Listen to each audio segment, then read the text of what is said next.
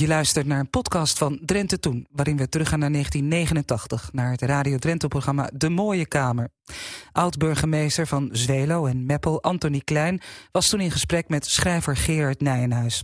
Af en toe kost het hem moeite om op de gebeurtenissen uit de oorlogsjaren te komen, en dat hoor je. En toch spreekt hij onverbloemd over zijn weigering om mee te werken met de bezetter en wat de consequenties van die daad waren. Hij keek terug op 82-jarige leeftijd. We gaan naar 1989.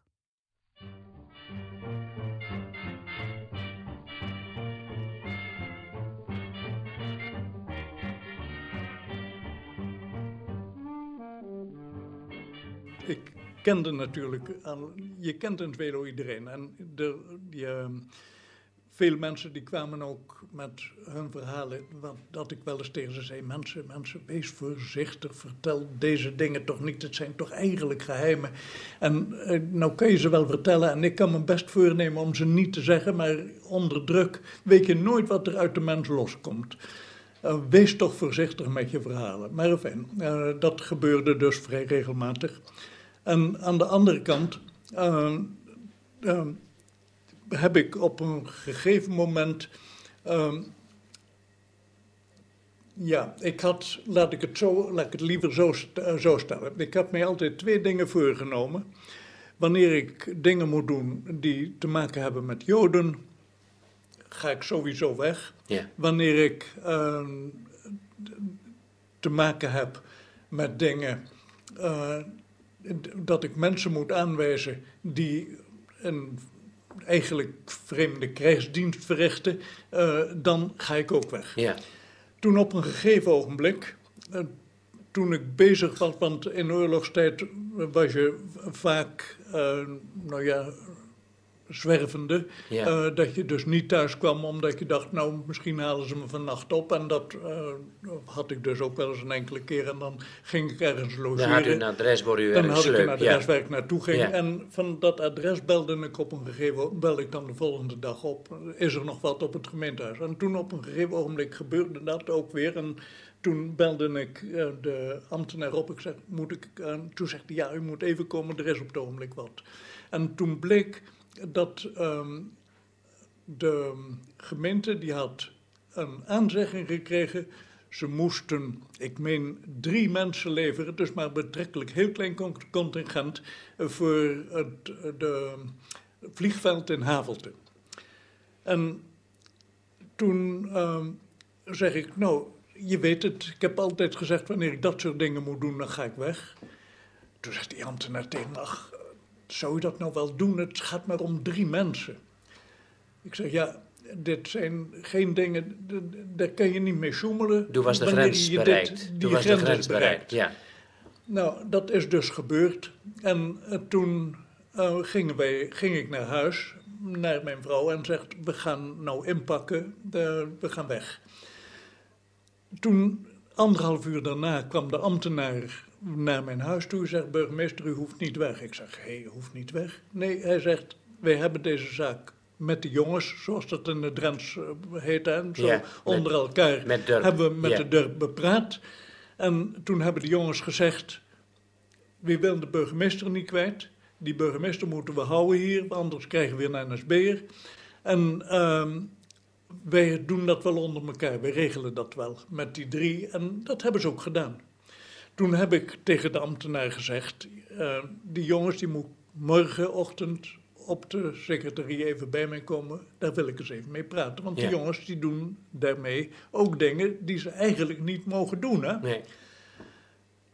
Nou, ik heb dus de volgende dag de Drent, deze jongens bij me gehad, een, een vertegenwoordiging daarvan, en rustig met hen de zaak bepraat. Toen zei ze tegen me, ja burgemeester, wij krijgen hier een NSB-burgemeester en daar is het dorp veel slechter mee bediend dan wanneer u hier blijft.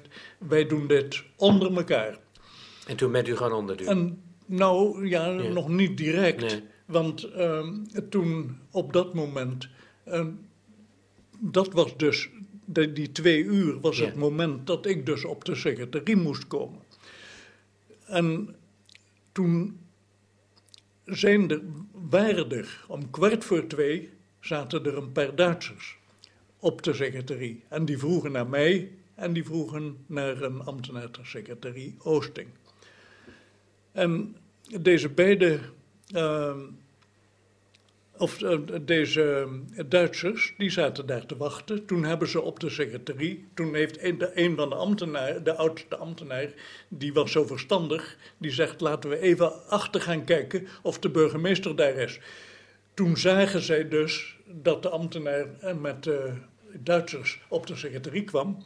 En toen hebben ze op die secretarie gezien, jongens, waarschuwen. Toen hebben ze op de secretarie een boer naar de richting Oosterhesselen gestuurd waar ik vandaan moest komen. En die heeft je nog en die heeft voorschouwd?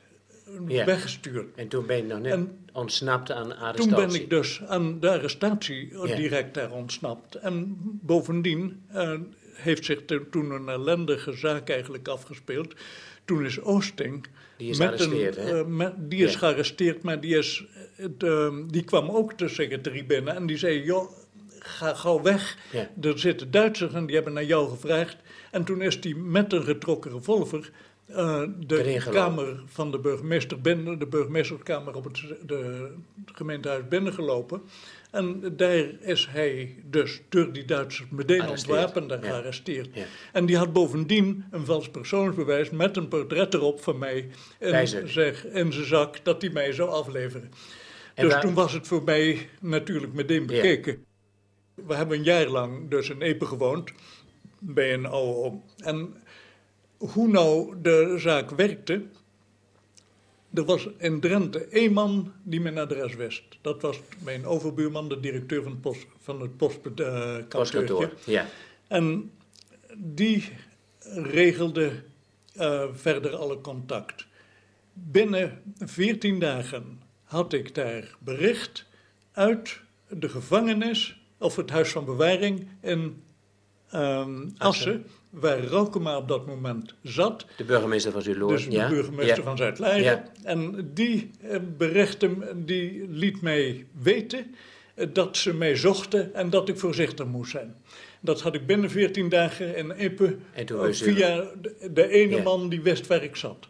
Zo werkte Zo dat. Zo werkte dat, ja.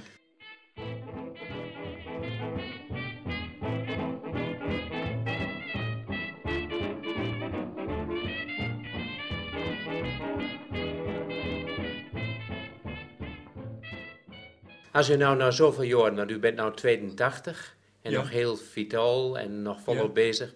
Als u nou terugkijkt naar die periode in de oorlog en de tegenstelling die in de Drentse dorpen, vooral in de oorlog, toch wel groot was tussen de mensen die goed waren en die fout waren.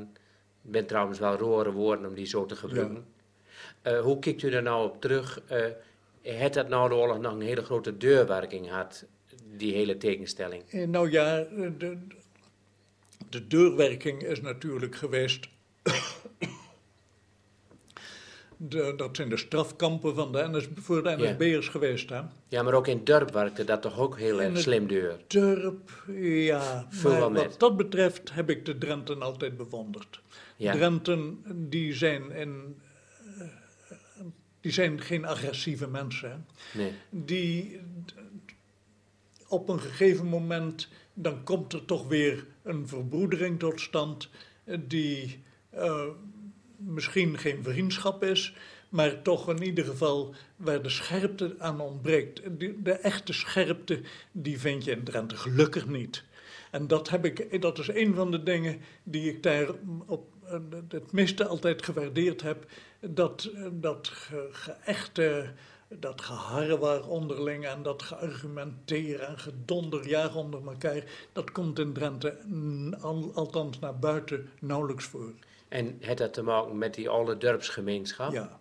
En bent er bepaalde mensen waar u speciale herinneringen aan hebt, als u nou aan die periode denkt? Ja, aan, aan, aan mensen als Oosting, hè, die, de, de, dus de, de, de, typische verzetsman die op de secretarie zat. Dat, die, dat was een man die. Uh, uh, hij is, was kennelijk wat te impulsief op een gegeven moment. Dat is hem zijn dood ook geworden. Maar aan de andere kant, uh, het was een, man ja, die het goede wilde. En zo had je er en zo had je in Drenthe natuurlijk, ik ben met veel mensen daar bevriend geweest, op een manier waarvan je zegt, ja, ja hoe zet die zo'n vriendschap nou precies in elkaar? Dat is nauwelijks terug te construeren. Maar ja, je voelde je er thuis. Je hoort bij elkaar. Wij zeggen dan, je bent zo kundig met elkaar. Ja, ja, zo laten we dat maar. Ja, dat is misschien wel het mooiste woord dat je hiervoor gebruiken kunt. Je luisterde naar een podcast van Drenthe Toen. Elke week komen er weer nieuwe bij en ze zijn te downloaden via je podcast-app. Of kijk even op onze website rtvdrenthe.nl. Daar vind je ook andere podcasts. En vond je het leuk of heb je tips? Laat dan een beoordeling achter. Dat vinden wij weer leuk. Dank je wel.